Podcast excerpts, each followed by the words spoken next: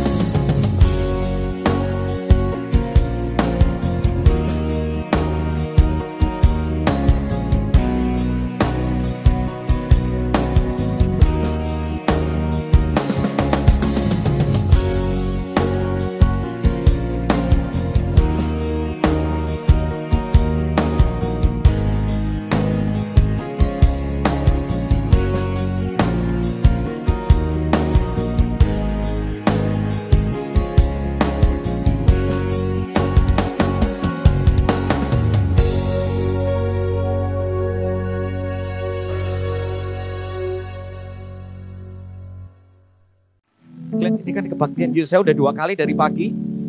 Saya kepengen ibadah terakhir ini paling gila pokoknya. Oke? Okay? Siap? Katakan gini, Tuhan dahsyat banget gitu. Ya. Mau pakai gaya TikTok juga boleh terserah lah. Khusus ibadah ini. Oke, okay, siap katakan Tuhan tadi apa? Tuhan dahsyat banget katakan gitu ya. Oke, okay, siap? Siap? Siap? Tiga, dua, satu.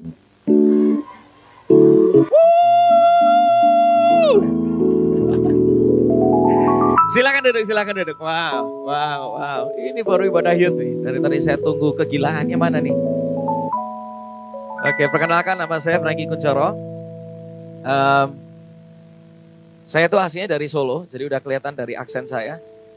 uh, tinggal di Surabaya lumayan lama karena dari kuliah. Dulu saya kuliahnya di Petra. Ada pernah tahu nggak Universitas Petra tahu nggak di Surabaya? Hah? Siapa Surabaya siapa? Surabaya? Ada yang dari Surabaya? Enggak. Oh pernah ke sana. Oke, saya kuliah di sana. Uh, uh, perlu sebut umur, udah cukup. Karena kalau tahu umurnya saya jadi tambah bersyukur. Menurut ucapan syukur. Oke, uh, 16 tahun saya tinggal di Surabaya dan baru 6 tahun terakhir saya tinggal di Jakarta. Jadi dari 2014 dan tahun ini, tahun ketujuh saya tinggal di Jakarta dan saya ngelihat bagaimana Tuhan bekerja, bagaimana Tuhan um, berkarya dalam kehidupan saya selama tujuh tahun terakhir ini. Ketika pindah ke Jakarta dan saya cuma percaya satu hal apa yang keluar dari kehidupan itu akan bisa mengubah kehidupan. Karena kalau satu orang dipakai Tuhan, artinya semua orang bisa dipakai Tuhan. Amin. Selama kita menyembah Tuhan yang sama, sumbernya sama, pasti harusnya hasilnya juga minimal sama. Benar gak? Lampu ini sumbernya sama, makanya terangnya bisa semuanya bisa bersinar karena ke connect ke sumber yang sama. Dan saat ini saya lagi fokus untuk bangun sebuah sekolah. Nah ini ngomong ini usia-usia kalian ini. Saya lagi mencari anak-anak yang pertama passionnya di bidang musik, kedua worship, ketiga um, rindu untuk menjadi terang bagi Indonesia. Udah, simple. Usianya 16 sampai 25 tahun. Untuk bisa apa? Untuk bisa belajar. Saya lagi bangun sebuah college, namanya Unlimited Worship College. Karena ngelihatnya gini, di hari-hari terakhir ini satu area, satu bidang yang harus dibangkitkan itu adalah bidang musik. Artinya orang-orang pemusik harus bangkit jadi penuai di akhir zaman. Perlu, perlu banget, perlu banget. Kalian tahu impactnya kalau musik itu gila banget. Musik yang seru pasti TikTok tuh kalau seru ada musiknya, betul nggak? Kalau nggak ada musiknya apa artinya gerak-gerak nggak jelas gitu? Jelas sih, keren sih. Saya akui salut banget sama yang bikin TikTok by the way. Tapi it's music, bener kan? Music. Nonton film horor nggak ada musiknya jadinya lucu juga. Bener kan? Bayangkan kalau itu film horor apa Conjuring. Tapi lagunya diganti Tom and Jerry. Ya, bayangin. Jadi nggak nggak nggak greget gitu loh. Jadi nggak nggak nggak mengerikan. Music powerful. Sekarang ada ada saya sempat meneliti. Ini menarik hari-hari ini karena di dalam setiap hari, satu hari ini ada 40 ribu konten baru di Spotify. Luar biasa ya. Satu hari ada 40 ribu. Besok lagi 40 ribu lagi. 40 ribu lagi. Pertanyaannya itu konten yang menghidupkan atau mematikan? Yang masuk. Itu konten yang menuju kebenaran atau menyesatkan? Ya. Setiap menit, setiap menit, dengar ini. Ada 500 jam. Di total kalau digabung-gabungin jadi satu, ada 500 jam konten baru di YouTube. Menarik ya? Pertanyaannya, itu yang ngisi siapa? YouTube bisa digunakan macam-macam loh. Bisa untuk kebaikan, kebenaran, maupun konten yang sampah. Bisa bikin masalah di mana-mana. Belajar bikin bom aja bisa ada di YouTube, betul kan? Sekarang ini banyak banget orang. Terakhir konten anak itu disusupi sama Gak tau kalian pernah pernah dengar cerita ini nggak? Saya rada ngeri karena saya punya anak umur 5 sama 3 tahun. Jadi itu kontennya ngajarin anak bunuh diri. Awalnya kartun lucu, lama-lama ngajarin bunuh diri. Ambil pisau, gitu. lama-lama. Awalnya lucu, lama-lama ngajarin. Ambil pisau, itu nggak apa-apa. Coba-coba aja di tanganmu, coba, coba. Iya bagus, ya lagi, lagi, gitu. Ya atau kalian pernah lihat konten seperti apa nggak? Ini ngeri banget. Dan inilah generasi kita hari-hari ini. Di mana konten, di mana YouTube, di mana apa yang kita dengar, apa yang kita lihat, itu pengaruhnya gede banget pengaruhnya gede banget. Kita setiap kali, setiap hari nggak bisa dipisahkan dengan namanya Instagram. Instagram tiap hari. Lihat, dari konten yang yang lucu sampai konten yang ngaco juga banyak banget di sana. Masalahnya kalau kita sebagai gereja Tuhan kita nggak serius untuk bikin konten yang sehat, ini bisa berbahaya. Bisa berbahaya. Kenapa sekolah ini ada? Salah satunya kita akan mencetak para music creator. Orang-orang yang punya kemampuan sebagai songwriting. Anda masuk nggak bisa nulis nggak apa-apa. Justru di sekolah kami kami akan didik Anda menjadi penulis lagu. Anda nggak bisa bikin musik, gampang. Sekarang bikin musik modalnya laptop aja. Modal handphone aja bisa. Sekarang ada teori musik namanya no music theory. Lucu kan? Teori musiknya namanya no music theory. Bayangin. Yang perlu dilakukan itu sebenarnya beneran itu kayak gampang banget bikin musik tanpa perlu ngerti musik. Ada caranya. Bayangin. Teknologi begitu luar biasa banget. Orang belajar musik aja udah melalui aplikasi. Udah beda banget zamannya. Dan ini yang sedang kami bangun di Unlimited Worship. Nanti uh, tahun uh, Agustus ini, tahun ini, tahun ini Agustus ini, kita akan buka angkatan yang pertama. Uh, pendaftarannya akan dibuka minggu 3 Februari ini. Apa sih aktivitasnya? Aktivitasnya simpel banget. Pertama, kita akan bawa setiap siswa untuk kembali ngalamin Tuhan dengan sungguh-sungguh. Makanya ada namanya Encountering God. Itu nanti kita akan ciptakan berbagai macam activity dan pengajaran yang sehat supaya setiap orang bertumbuh dalam pengenalan sama Tuhan. Karena kuncinya orang kalau intim sama Tuhan, yang lain itu jadinya beres. Saya menemukan dalam kehidupan ini, kalau hubungan sama Tuhan gak beres, maka apa pun yang ada di tanganmu jadi gak beres. Kalau kamu connect sama sumbernya, baru terangmu bisa nyala gitu loh. Simple kok dalam kehidupan ini. Tapi kalau terangnya nggak menyala, gimana bisa melakukan yang lain? Itu cuma bisa terjadi kalau orang kembali ngalamin Tuhan. Yang kedua, di sekolah kami kami ngajarin sharpening. Sharpening itu apa? Sharpening kita punya ketajaman dalam apa? Skill dan kepemimpinan. Kepemimpinan nanti diajarin gimana kita bisa punya self management yang bagus. Itu diajarin dengan banyak hal yang praktikal. Dari self leading, habis itu leading project, gimana sih mimpin project? Kalau kalian dapat tugas, kalau ini konteksnya musik, gimana kalau dapat konteks tugas musik, gimana apa yang bisa dilakukan? Supaya lebih strategik, Habis itu diajarin juga leading people, gimana mimpin orang. Ada di sekolah kami. Nah 70% kurikulumnya akan berupa musik, Gimana kami rindu nggak cuma Anda dipertajam secara skill, tapi diajarin gimana nulis lagu, bikin musik, bahkan sampai ke audiovisual. Gimana mempresentasikan itu dalam sebuah kemasan video yang bagus. Jadi akan diajarin ini video skill juga bakal ada. Lengkap pokoknya satu paket. Diajari juga nanti live performance, stage performance dan segala macam. Itu yang kami lakukan di sekolah kami. Nah nanti menariknya, satu agendanya adalah bicara tentang connecting and collaborating. Kita rindu setiap siswa itu terkoneksi dengan orang-orang yang hari ini influensial di bidang music ministry maupun di music industry, di marketplace. Saya kasih bocoran dikit, salah satu kita punya pengajar vokal, itu namanya Indra Aziz, kalau pernah dengar. Salah satu vokal trainer terbaik Indonesia punya, akan jadi salah satu pengajar di tempat kami. Menarik sekali. Hari Rabu ini saya bakal ada meeting dengan Glenn Bradley. Jadi dia bakal datang main ke college. Untuk apa? Kita lagi membahas banyak hal untuk membangun Indonesia. Seru banget. Ini yang lagi dilakukan gak cuma bicara tentang lingkupnya gereja lokal, tapi kita lagi ngomong tentang generasi Indonesia mendatang. Itu yang sedang kami lakukan. Dan nanti hari kami saya banyak meeting dengan beberapa orang. Ada satu lembaga kolektif yang nanganin royalti para musisi ke depan ini gimana dan segala macam. Saya sudah mulai menerobos batas untuk masuk ke dunia pemerintahan yang mengerti seputar rules-nya kebijakan apa tentang dunia musik. Karena gini, gimana kita bisa jawab dunia kalau kita nggak pernah ngerti cara mainnya dunia itu seperti apa. Kita harus ngerti, kita kita sesuatu yang kita mau jawab, kita harus ngerti cara mainnya gimana. Karena itu yang saya lakukan. Anda akan dikoneksikan dengan penulis lagu terbaik yang Indonesia punya. Jadi jangan kaget tiba-tiba, loh ini kok bisa muncul di sekolah? Ya memang mereka yang terbaik yang kita mau undang. Supaya Anda bisa belajar profesionalisme mereka. Kok mereka bisa konsisten berkarya sekian tahun. Saya punya impian tuh bisa ngundang beberapa nama, benar. Salah satunya Yofi Widianto, saya pengen banget undang dia. Karena lagu-lagunya sih lihat bikin semua jadi baper kan kalau udah denger lagunya Yofi gitu kan. Siapa yang udah dengerin lagu barunya Rindu Dalam Hati? Ada udah denger? Belum? Belum? Dengerin di Youtube keren banget. Yang anaknya tuh Arsi sama si siapa? Brizia, Jody. Bagus banget lagunya. Saya tepel denger lagunya Yofi ini orang ini makan apa sih? Lagunya bisa keren banget gitu. Tahu lagunya yang dia nyanyi bareng sama Glenn gak? Sama Tulus. Adu Rayu tahu? Lama-lama ada mikir ini hamba Tuhan apa hamba apa sih ini? Karena saya mau gak mau harus ngikutin. Ngerti what happened. Yang terjadi di dunia music industry ini apa? Ya kita lagi lakukan banyak hal.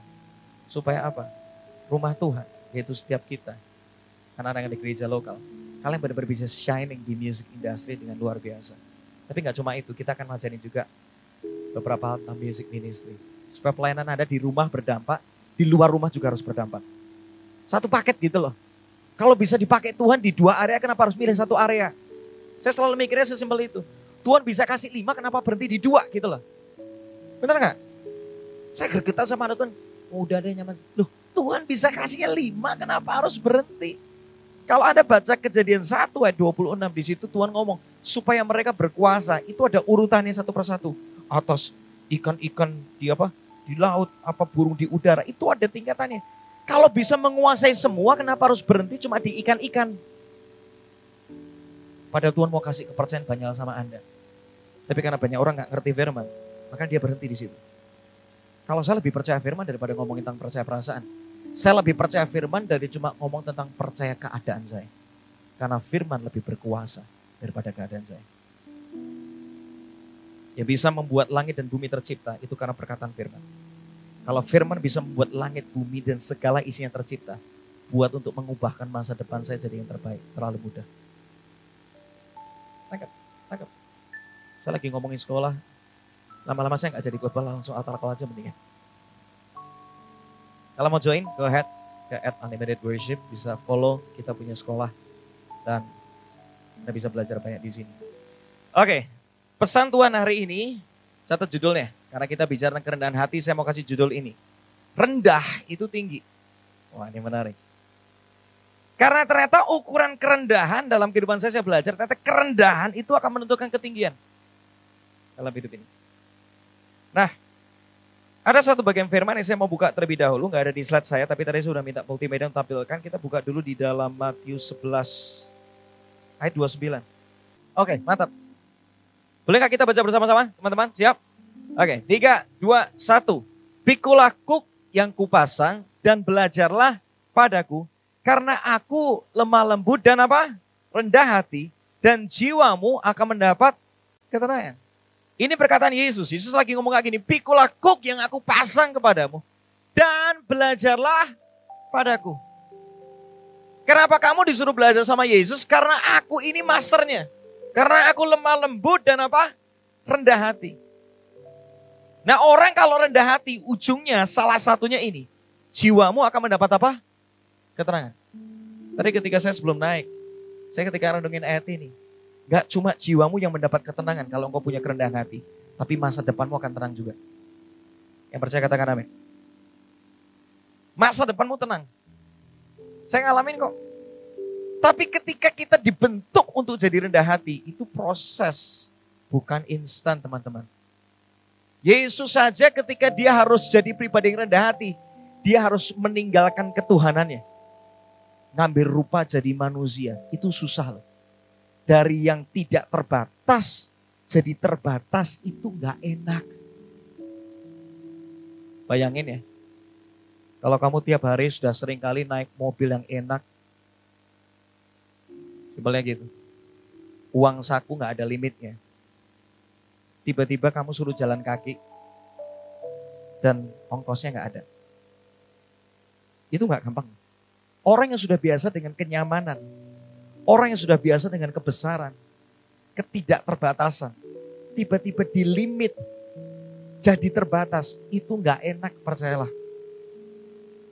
Mau apa-apa jadi mikir, betul nggak? Dulu sih punya uang ratusan ribu sangu setiap hari masuk ke kantong. Coba Tiba-tiba sekarang kamu cuma dikasih 5 ribu per hari. Mau milih makan aja mikir. Nebeng temen mendingan, betul kan? Kamu makan apa sih? Punya 10 temen, makan ini. Boleh nggak ngambil dikit, ngambil dikit, ngambil dikit, lumayan kan? Akhirnya jadi buat kamu lumayan. Jadi mikir punyanya 5 ribu. 5 ribu buat apa? Paling cuma buat beli minumnya. Yang tidak terbatas, jadi terbatas itu nggak mudah. Makanya Yesus ngomong kayak gini, aku nih masternya. Kamu mau belajar kerendahan hati, belajar dari Yesus. Jangan di tempat yang lain. Karena cuma Yesus yang terbukti dari tidak terbatas menjadi terbatas. Dan dia berhasil melaluinya. Dunia diselamatkan gara-gara kerendahan hati namanya Yesus. Kerendahan hati itu mendatangkan ketenangan.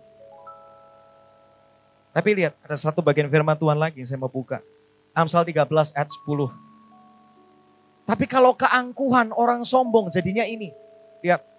Amsal 13 ayat 10. Keangkuhan hanya menimbulkan apa? Pertengkaran. Ya. Orang yang sombong isinya bertengkar mulu. Percayalah. Gak ada yang mau kalah. Gak ada yang mau mengalah. Maunya menang sendiri. Egois. Sombong. Bertengkar mulu. Perbedaannya kontras banget. Tapi kalau orang rendah hati, ada ketenangan. Orang tenang tuh akhirnya bisa melihat segala sesuatu jadi lebih jernih, betul nggak? Orang kalau udah panik, segala sesuatu bisa jadi lihatnya salah. Orang panik, Tuhan dikiranya apa? Hantu. Orang panik namanya. Ya, tapi ketenangan membuat kita bisa lebih jernih. Melihat hidup kita harus seperti apa, masa depan kita harus gimana. Siapa di sini kepengen punya masa depan yang terbaik? Apa yang tangan dong? Pengen, pengen miliki ini namanya kerendahan hati. Ngomong sama kiri kanan, kamu harus miliki kerendahan hati. Harus miliki kerendahan hati. Nah kerendahan hati itu apa sih? Seringkali kita ngomong tentang kerendahan hati. Tapi arti sebenarnya ini. Balik ke slide saya. Rendah hati itu dalam bahasa Yunaninya di Alkitab dituliskan dengan kata tapinos. Semua katakan tapinos. Rendah hati itu artinya ini. Ada tiga kata yang disebut diulang-ulang yang saya temukan ini. Pertama artinya itu lemah. Ada di sini mau jadi lemah? Pasti nggak ada yang mau. Semuanya kepengen tinggi, semuanya pengen kuat, betul nggak? Tapi saya ngalami dalam kehidupan saya. Justru ketika engkau dibawa lemah, di situlah kekuatan Tuhan baru jadi sempurna. Di dalam keterbatasan mulah baru kuasa Tuhan baru bisa menjadi tidak terbatas. Beda ya cara mikirnya. Ya. Ada sebuah lagu yang saya tulis, pre-chorusnya ngomong kayak gini. Ku semakin berkurang, Yesus makin bertambah. Itu loh prinsipnya. Kalau kitanya berkurang, baru Yesus bisa bertambah. Kalau kitanya nggak mau berkurang, masih mengeraskan hati, nggak mau buka hati buat Tuhan, makanya Yesusnya nggak akan pernah bisa bertambah. Ada lagu sekolah minggu ngomong kayak gini. Kalau aku semakin kecil, baru Yesus semakin apa? Besar. Lihat. Kalau kita nggak jadi semakin kecil, nggak jadi semakin lemah. Yesus nggak bisa menjadi semakin kuat dan besar di hidup. Ketika engkau memilih untuk lemah, memilih untuk rendah hati, justru di situlah engkau akan lihat karakter Kristus yang tidak terbatas, yang indah akan keluar dari kehidupan. Tarik. Tapi nos artinya juga tidak penting. Semua orang tuh pengen jadi penting. Suatu kali saya baca di Alkitab, murid-muridnya Yesus yang setiap hari, hari loh, dia mereka tuh jalannya dengan Yesus. Mereka bisa tanya sama Yesus gini, Yesus, kira-kira di antara kami ini siapa yang paling besar sih? Semua orang tuh pengen jadi penting dalam kehidupan ini. Semua orang tuh pengennya berdampak. Tapi saya mau katakan, sebelum engkau dibawa berdampak, engkau harus jadi pribadi yang kerasanya kayak kesannya tidak penting dulu. Baru nanti Tuhan akan buat engkau jadi penting bagi banyak orang. Bukan karena engkau lagi, tapi karena Yesus yang sudah bertahta di hatimu. Itu butuh proses. Dari habis ini saya langsung kesaksian selesai dari kita. Gak usah kebanyakan. Tabinos, itu artinya adalah apa? Miskin. Semua orang kepengen jadi kaya, betul nggak? Tapi saya mau katakan, selama engkau nggak pernah memilih menjadi miskin, menjadi bodoh, maka kau nggak akan bisa melihat perbuatan Tuhan yang besar. Karena gini, firman Tuhan ngomong di Matius 5, cuma berbahagialah orang yang miskin di hadapan Allah, karena mereka lah yang empunya kerajaan surga. Miskin itu artinya orang yang merasa terbatas tanpa Tuhan. Miskin itu artinya orang yang bisa jadi miskin ilmu, merasa bodoh nggak tahu apa-apa. Justru orang yang merasa bodoh makanya baru diisi, bisa diisi pengetahuan. Orang yang sok tahu makanya nggak pernah dapat apa-apa. Sok tahu, dikit-dikit udah tahu. Dikasih tahu, udah tahu. Tapi orang yang rendah hati, orang yang rendah hati akan berkata, aku masih perlu belajar lagi. Itu loh orang rendah hati. Beda ya. Tapi kalau orang sombong, merasa udah tahu. Dikit-dikit udah tahu. Oh nggak perlu, udah tahu. Kenapa sih kok kerendahan hati itu penting? Ada tiga hal yang saya belajar. Yang pertama, buka di dalam Yesaya 57 ayat 15. Yesaya 57 ayat 15. Kenapa kerendahan hati itu sangat-sangat-sangat penting teman-teman. Menjadi lemah, menjadi miskin, menjadi rasanya nggak penting, nggak dianggap. Itulah namanya kerendahan hati. Kita lihat kenapa itu penting dalam kehidupan kita. Isa 57 ayat 15 dikatakan seperti ini. Sebab beginilah firman yang maha tinggi dan yang maha mulia. Yang bersemayam untuk selamanya dan yang maha kudus namanya. Dikatakan seperti ini. Akunya hanya besar. Itu artinya Tuhan.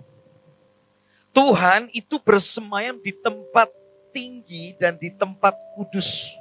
Itu kayak sesuatu yang unreachable, gak bisa gak bisa terjangkau oleh kita di tempat yang tinggi dan di tempat yang kudus. Kita ngerasa sering kali aku gak kudus, aku gak layak. Tapi yang menariknya dia juga cuma pribadi yang ada di tempat tinggi dan kudus. Tapi firman Tuhan dikatakan tetapi juga bersama-sama orang yang remuk dan apa? Rendah hati. Untuk menghidupkan semangat siapa? Orang-orang yang rendah hati. Dan untuk menghidupkan hati orang-orang yang remuk. Tuhan itu bersama, Tuhan itu menyertai, Tuhan itu ada. Dia bersamamu, dia nggak tinggalkan kamu. Selama apa? Selama dia menemukan kerendahan hati dalam hidup. Karena itu poin pertama catat ini baik-baik.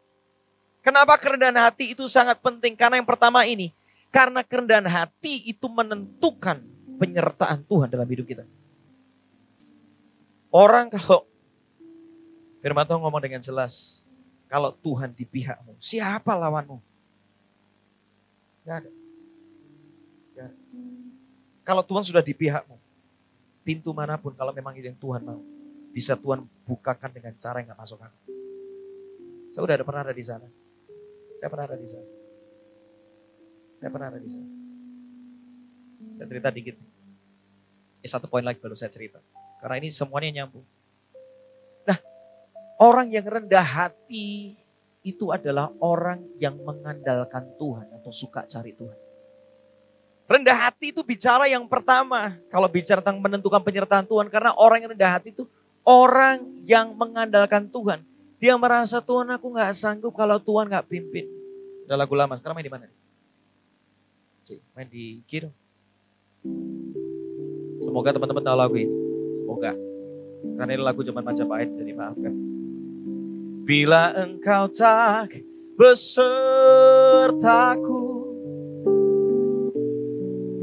Ku tak mau berjalan.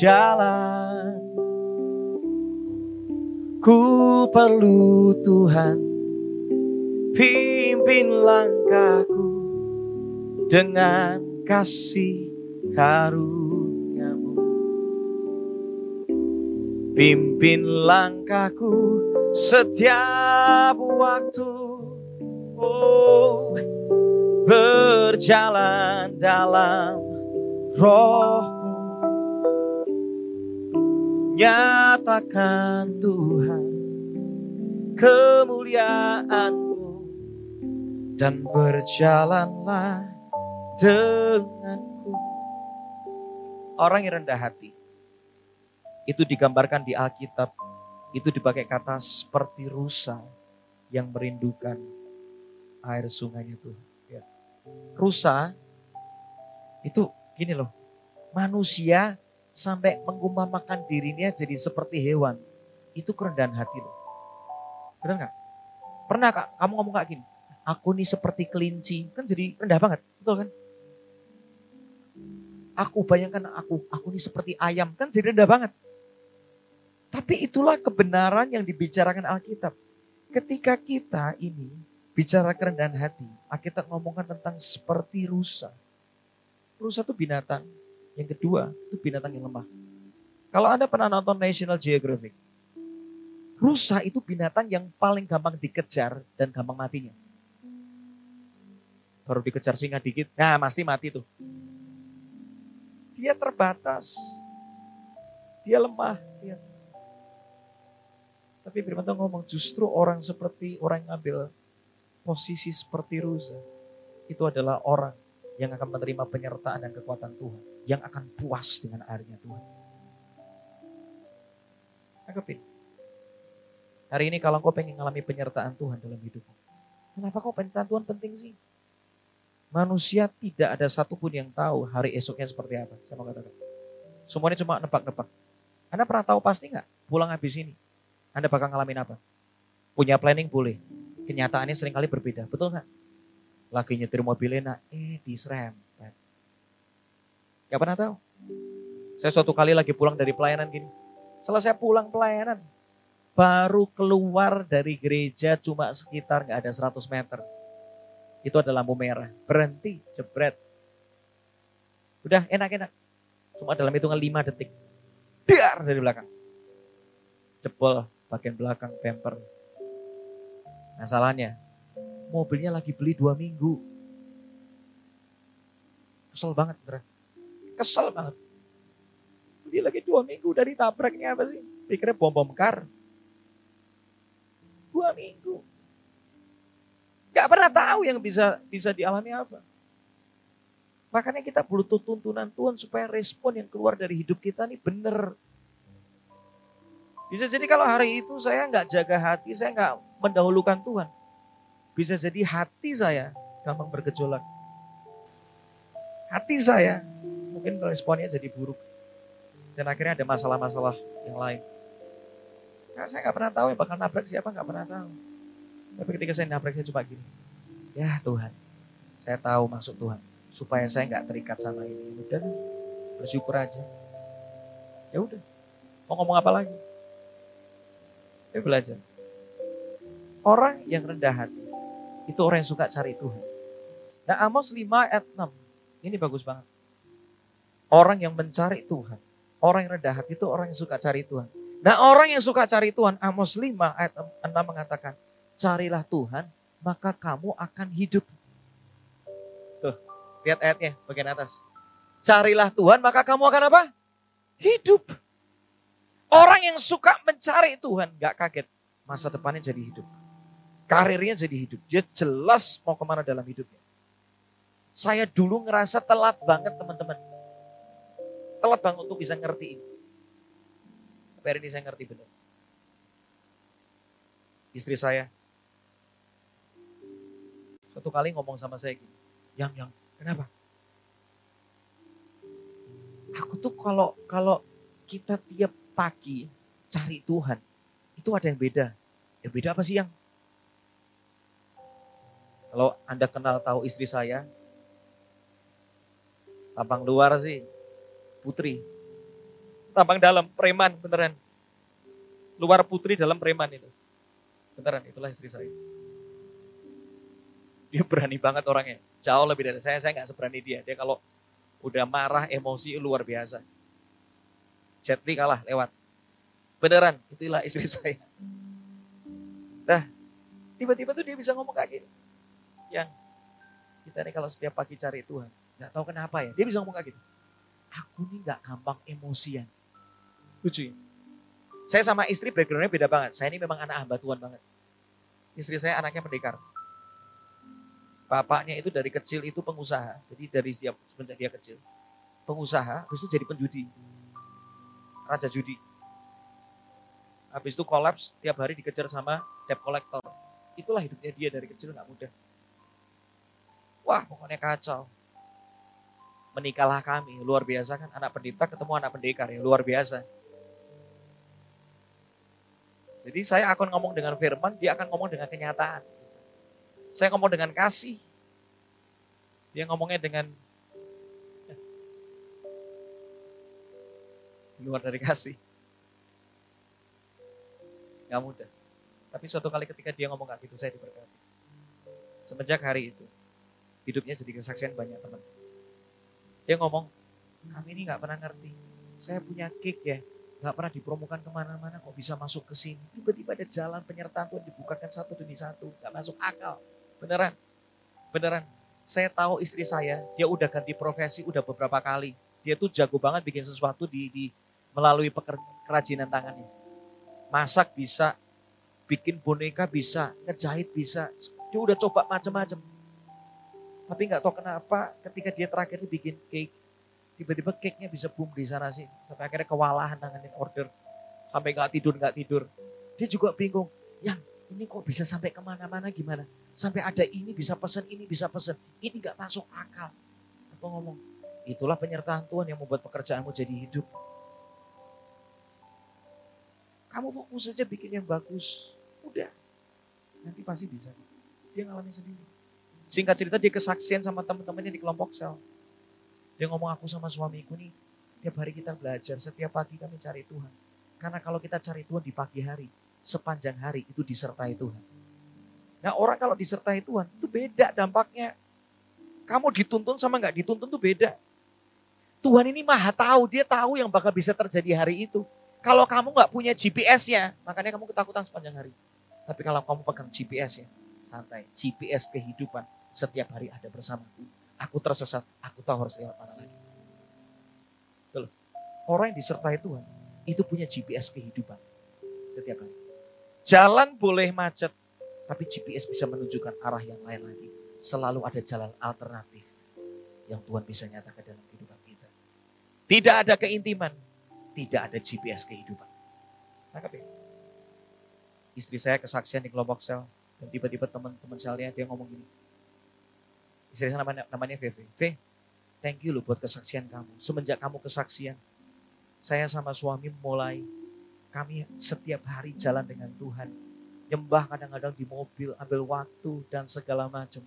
Dia cerita sendiri. Benar ya, sepanjang hari itu jadi tenang hidupnya. Betul ya. Dari satu orang berubah, meradiasi. Ada beberapa teman-teman kami berubah. Gak percaya, praktek sendiri. Karena bicara tentang Tuhan, itu bicara pengalaman pribadi. Kalau saya ngalamin, artinya Anda juga bisa ngalamin. Tenang sepanjang hari. Mau sampai kapan hidupmu gak tenang? Cuma orang yang rendah hati yang cari Tuhan akan mendapat ketenangan dalam hidup. Yang kedua, Kenapa kerendahan hati sangat penting? Ternyata itu menentukan peninggian dari Tuhan. Bicara promosi, bicara dibawa naik, sama Tuhan. Itu tergantung dari posisimu rendah hati apa enggak. Mau dibentuk apa enggak. Ya, kita lihat ayatnya dulu. Coba kita lihat. Next slide. Lukas 14 ayat 11. Katanya. Sebab barang siapa meninggikan diri, barang siapa sombong, ia akan apa? Nasib dari orang sombong itu direndahkan. Tetapi barang siapa merendahkan diri, ia akan apa? Pilih yang mana? Pilih yang mau direndahkan tapi ujungnya ditinggikan atau sombong di awal, habis itu habis. Pilih mana? Kalau saya pilih direndahkan, tapi habis itu Tuhan bisa tinggikan. Karena ketika kita direndahkan sekali sering kali itu karakter kita tuh lagi dibentuk. Saya masih ingat dulu tahun berapa ya? 2000, saya lupa 2005 kali, 2006, ya cukup lama. Saya ini pemain drum, tiba-tiba dipercaya mimpin pujian, bayangin. Gak pernah mimpin pujian, tiba-tiba dipercaya jadi pemimpin pujian, bukan di ibadah, langsung di KKR. Nah, bagi yang melayani pujian penyembahan ini, nekat banget. Dari main drum, dari misalnya pemain drum tadi, tiba-tiba minggu depannya dia mimpin KKR, kan aneh banget kan? Itulah saya itu yang saya alami.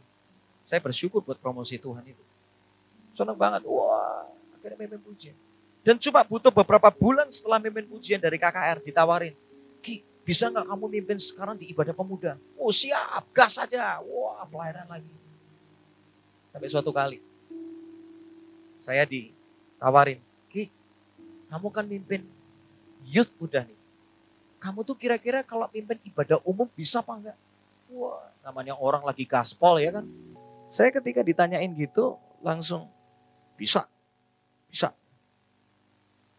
Oh gitu ya ya? Pasti bisa ya? Bisa, bisa. Kan tinggal ganti lagu, aransemen gini, bisa. Setelah saya selesai ngomong ya, tiba-tiba tuh nggak tahu kenapa di dalam hati saya ini ada sesuatu yang nggak enak. Mulai gini, kayak ada sesuatu yang nyentil gini. Oh kamu bisa. Tanpa Tuhan ya bisa ya, bisa. Kayak ada sesuatu kayak ngomong dia dalam hati saya. Saya percaya tuh roh kudus lagi bicara sama saya. Singkat cerita. Dua minggu setelah itu, saya tuh harusnya dijadwal untuk sebuah pelayanan di kota Malang. Waktu itu saya masih tinggal di Surabaya. Tadi kan yang dari Malang ya. Benar ya? Karena dari di Malang. Saya gereja kami sedang membuat sebuah um, gereja baru cabang di kota Malang. Dan saya udah dikasih tahu, Ki, nanti yang bakal datang itu semuanya youth. Wah mantap nih. Kamu pokoknya nyanyi lagu yang penuh dengan kebangkitan. Siap. Laguku semuanya ada kata-kata bangkit di sana. Allah bangkit, kukan bangkit. Pokoknya semua ada kata bangkit, tak mainin semua. Santai aja. Uh, sedap. Udah, semangat kan. Udah dua kali latihan pakai acara doa puasa segala macam. Oh siap bos, siap. Hamina satu mau berangkat di telepon dari gereja. Ki, besok kamu kan berangkat pelayanan. Oh iya, iya kok. Kenapa kok? Kenapa? Mau ikut, mau nebeng? Oh boleh, boleh, boleh. Enggak Ki mau ngomong. Tadi barusan dikasih tahu. Ternyata yang datang itu bukan youth. Loh kok berbeda jadinya? Terus maksudnya gimana? Iya besok kamu gak usah tugas dulu ya. Bayangin. Besok udah mau pelayanan di cancel H-1. Katanya jemaatnya bukan youth, makanya kamu nggak cocok Ki. Kalau secara manusia kesel nggak? Udah latihan udah beberapa kali, pakai ikutan acara doa puasa, dibatalin H-1. Hari itu saya nyuci mobil udah nggak semangat. Saya masih ingat banget tuh sore-sore lagi cuci mobil lagi enak-enak. Ditelepon kayak gitu. Wah, nggak jadi berangkat. Singkat cerita saya nggak jadi berangkat. Tiba-tiba besoknya, saya jemput papi saya lagi datang ke Surabaya. Di tengah mobil, saya ngobrol sama papi saya. Kamu katanya ke Malang kok nggak jadi? Ketika lagi ngobrol, tiba-tiba Tuhan ingatkan. Dua minggu lalu kamu berkata kamu bisa, sekarang kok kamu nggak bisa apa-apa. Itu kayak sesuatu yang nyentil gitu, sesuatu yang kayak kuat banget. Dan saya tahu semenjak hari itu, apa pun kepercayaan yang datang dalam hidup saya, saya harus berkata, oleh anugerah Tuhan saya pasti dimampukan. Semenjak hari itu ketika satu tugas itu dibatalkan, saya merasa sehebat-hebatnya saya menyusun lagu, sehebat-hebatnya saya bikin aransemen musik, sehebat-hebatnya saya mungkin merasa relevan dengan jemaat yang saya layani. Tanpa anugerah Tuhan, semuanya bisa jadi nggak terjadi dalam hidup saya. Tapi kalau saya punya kerendahan hati, saya berkata, kalau itu memang kesempatan yang baik buat saya, I will do my best oleh anugerah Tuhan. Semenjak hari itu, saya tiap kali pelayanan dipuji, apa pun juga, saya selalu ngomong terima kasih. Semua itu karena anugerah Tuhan. Semua karena anugerah Tuhan. Baru bisa ngomong hari itu. Dan kalau ngelihat hari ini, banyak proses-proses berikutnya. Waktu kita soalnya udah habis, udah over banyak banget kalian. Tapi semuanya diberkati. Berkati belajar banyak hal. Semoga nanti saya diundang lagi waktu Yesus udah mau di, uh, datang kedua kali, udah deket-deket gitu, saya diundang lagi ke sini. Saya ngalami banyak proses yang sepertinya ada di titik rendah. Tapi sadar nggak? Semakin Anda itu, lihat ini baik-baik. Semakin Anda dibawa rendah. Tahu nggak? Itu nggak lama lagi. Akan dibawa apa? Tinggi. Tangkap ini. Semakin kau dibawa rendah. Nggak butuh waktu lama. Semakin rendah. Kau akan diangkat semakin tinggi sama Tuhan. Untuk bisa rendah, kita harus apa? Mau dibentuk. Relakanlah hatimu untuk dibentuk sama Tuhan. Jadi kalau nanti ada pembentukan jangan ngomel. Karena di balik pembentukan itu ada kerendahan hati. Di balik kerendahan hati itu ada promosi Tuhan. Semenjak saya ngerti prinsip ini, hari ini kalau saya ngalamin proses, saya bersyukur. Gak apa-apa, biasa gitu. Saya sudah ngerti polanya Tuhan beberapa kali. Bentuknya bisa jadi berbeda. Tapi saya kenal bahwa Tuhan saya ujungnya selalu sama. Tuhan rindu setiap anak-anaknya itu diangkat untuk kemuliaannya. Supaya bisa menjadi terang dan garam bagi sekelilingnya. Tuhan mau pakai Anda. Tuhan mau pakai Anda. Saya melihat dari beberapa di tempat Tuhan mau pakai Anda dengan luar biasa. Persiapkan dirimu untuk dibentuk. Kalau ada orang yang fitnah kamu, ingat satu hal. Bersyukur buat fitnahan itu. Justru melalui fitnah itu kamu jadi pribadi yang rendah hati. Nggak usah balas. Orang yang balas, orang yang sombong. Orang yang diam dan mendoakan. Itulah orang rendah hati. Ketika ada orang puji Anda. Katakan apa? Puji Tuhan, terima kasih. Udah cukup, gak usah cari pujian berikutnya. Karena kalau orang sombong gini, sekali dipuji, gitu doang ya, gak ada yang lain ya. Itu sombong namanya. Orang sombong juga kayak gini loh. Saya, saya ngomong apa ada Orang sombong tuh gini. Ketika dipuji, tapi ngomongnya gini, enggak, enggak itu bukan saya, bukan saya. Itu siapa tadi? Yang melakukan itu siapa? Tapi dalam hati ngomong kayak gini, lo gak tahu siapa gua. Sedah. Tapi kalau orang rendah hati, terima aja. Setiap pujian itu kita pakai untuk apa? Bersyukur. Karena Tuhan yang tadi hidupmu. Udah itu aja. Setelah itu apa? Orang kalau dipuji, kayak orang makan permen karet. Artinya apa? Begitu dimakan, habis itu apa? Di Gak ditelan, betul nggak? Orang kalau makan permen karet sebentar dikunyah, selesai habis itu apa? Dibuang. Saya tiap kali melakukan setiap pujian seperti itu. Makan kunyah, thank you. Itu kemurahan Tuhan, thank you. Selesai. Karena Tuhan dengan anugerahnya. Barang siapa merendahkan diri, dia akan ditinggikan sama Tuhan. Yang terakhir, satu kali yang terakhir.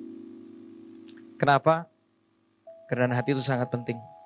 Karena kerendahan hati membuat kita bisa menerima bantuan dan kemurahan dari banyak orang yang kita nggak pernah sangka. Orang yang rendah hati itu adalah orang yang berani untuk menyadari keterbatasannya dan berani untuk minta tolong, gak gengsi. Kalau memang kau lagi butuh, jangan sungkan untuk ngomong. Ceritakan kondisimu. Saya akan tutup dengan kesaksian ini. Suatu kali saya nggak tahu apa yang mau dibangun dengan sekolah saya. Saya udah stres banget dan gak tahu ini bentuknya bakal seperti apa ya. Tahun 2016 saya ketemu dengan satu orang, saya pengen ketemu banget. Kau mau ketemu boleh nggak? Orang ini udah berhasil banget membangun apa yang dia impikan. Kalau saya sebut nama gereja ini pasti Anda tahu. Saya ngobrol sama dia, ketemu sama dia, thank you banget udah disediain waktu. Hari itu ketika dia ngobrol sama saya, saya kelihatannya jujur aja, kelihatannya bodohnya minta ampun. Tapi justru ketika kita memasang diri kita sebagai orang yang bodoh, saya bisa menyerap banyak hal dari dia. Kalau kita sombong, kita nggak pernah cari orang untuk bantu kita.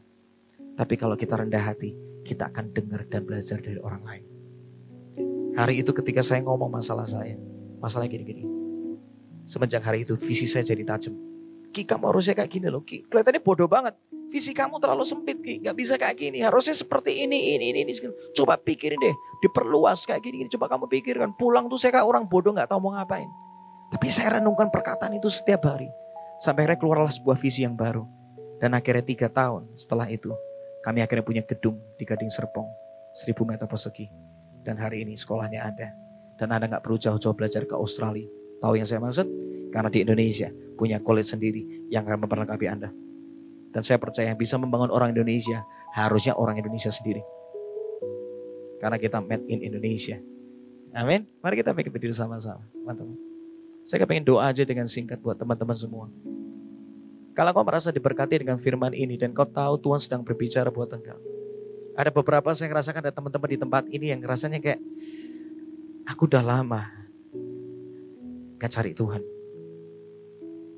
Orang yang rendah hati itu orang yang mengandalkan Tuhan dan cari Tuhan. Dia membuka hari itu dengan apa? Cari Tuhan. Tadi saya cerita istri saya ngalami perubahan. Kami sekeluarga ngalamin benar-benar. Hari ini banyak hal yang Tuhan percayakan. Ada hal yang kami nggak ngerti juga kok sebenarnya.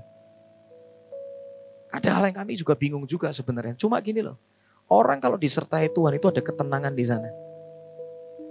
Menangnya mungkin belum, tapi menang pertama bentuknya itu namanya tenang. Tenang dulu. Orang kalau mau menang, kalau nggak tenang nggak bisa. Tenang dulu, baru bisa ngerti. Nata satu langkah, dua langkah, tiga langkah berikutnya. Kalau dari tadi Tuhan bicara tentang, ayo hubunganmu gimana sama Tuhan. Terakhir kapan baca firman? Karena cuma itu yang bisa menenangkan hidupmu. Sekarang ada Alkitab pada YouVersion Bible. Baca dong ininya, urutannya. Percayalah, kalau kalian pengen mendapatkan ketenangan terbaik buat hidupmu dan masa depanmu. Mulai hari ini, bangun hubungan serius sama Tuhan. Karena itu bukti engkau rendah hati, engkau butuh Tuhan. Cari Tuhan, cari Tuhan, cari Tuhan. Yang kedua, saya rindu setiap Gak setiap ada, ayo. Kalau engkau mau dibentuk, itu tempat di mana kau bisa ditinggikan. Ingat, fitnah jangan balas. Gosip diemin aja, it's okay. Karena itu bagian dari pembentukan kita. Kadang kita diomongin yang jelek, it's okay. Tapi kalau memang itu sesuatu yang kita memang harus berubah, berubahlah. Orang yang rendah hati itu mau bertobat. Bukan ketika ditegur malah teriak balik. Orang rendah hati. Dia akan merelakan hati dan bertobat. Tapi kalau itu sesuatu yang mungkin fitnah, gak cocok dengan realita kehidupanmu, santai aja. It's okay. Fitnah suatu kali bakal diem kok. Fitnah pasti berlalu, sedang. Benar kan? Pasti berlalu. Ada waktunya, ada expirednya, jangan lupa. Karena di balik fitnah, ketika engkau tetap mau dibentuk, jangan kaget. Suatu kali engkau akan jadi berkat buat orang yang fitnah Anda. I've been there. Saya udah pernah ada di sana. Saya nggak perlu takut. Anda juga nggak perlu takut. Dipindah malah bersyukur. Artinya kita ini penting ternyata. Orang sampai ngomongin kita tuh artinya kita ini penting banget ya. Hmm. Yang terakhir. Kerendahan hati penting karena apa? Kau akan terima banyak bantuan dan kemurahan dari banyak orang. Karena apa? Engkau berani melepaskan gengsi dan berani untuk belajar dari orang lain. Itulah namanya kerendahan.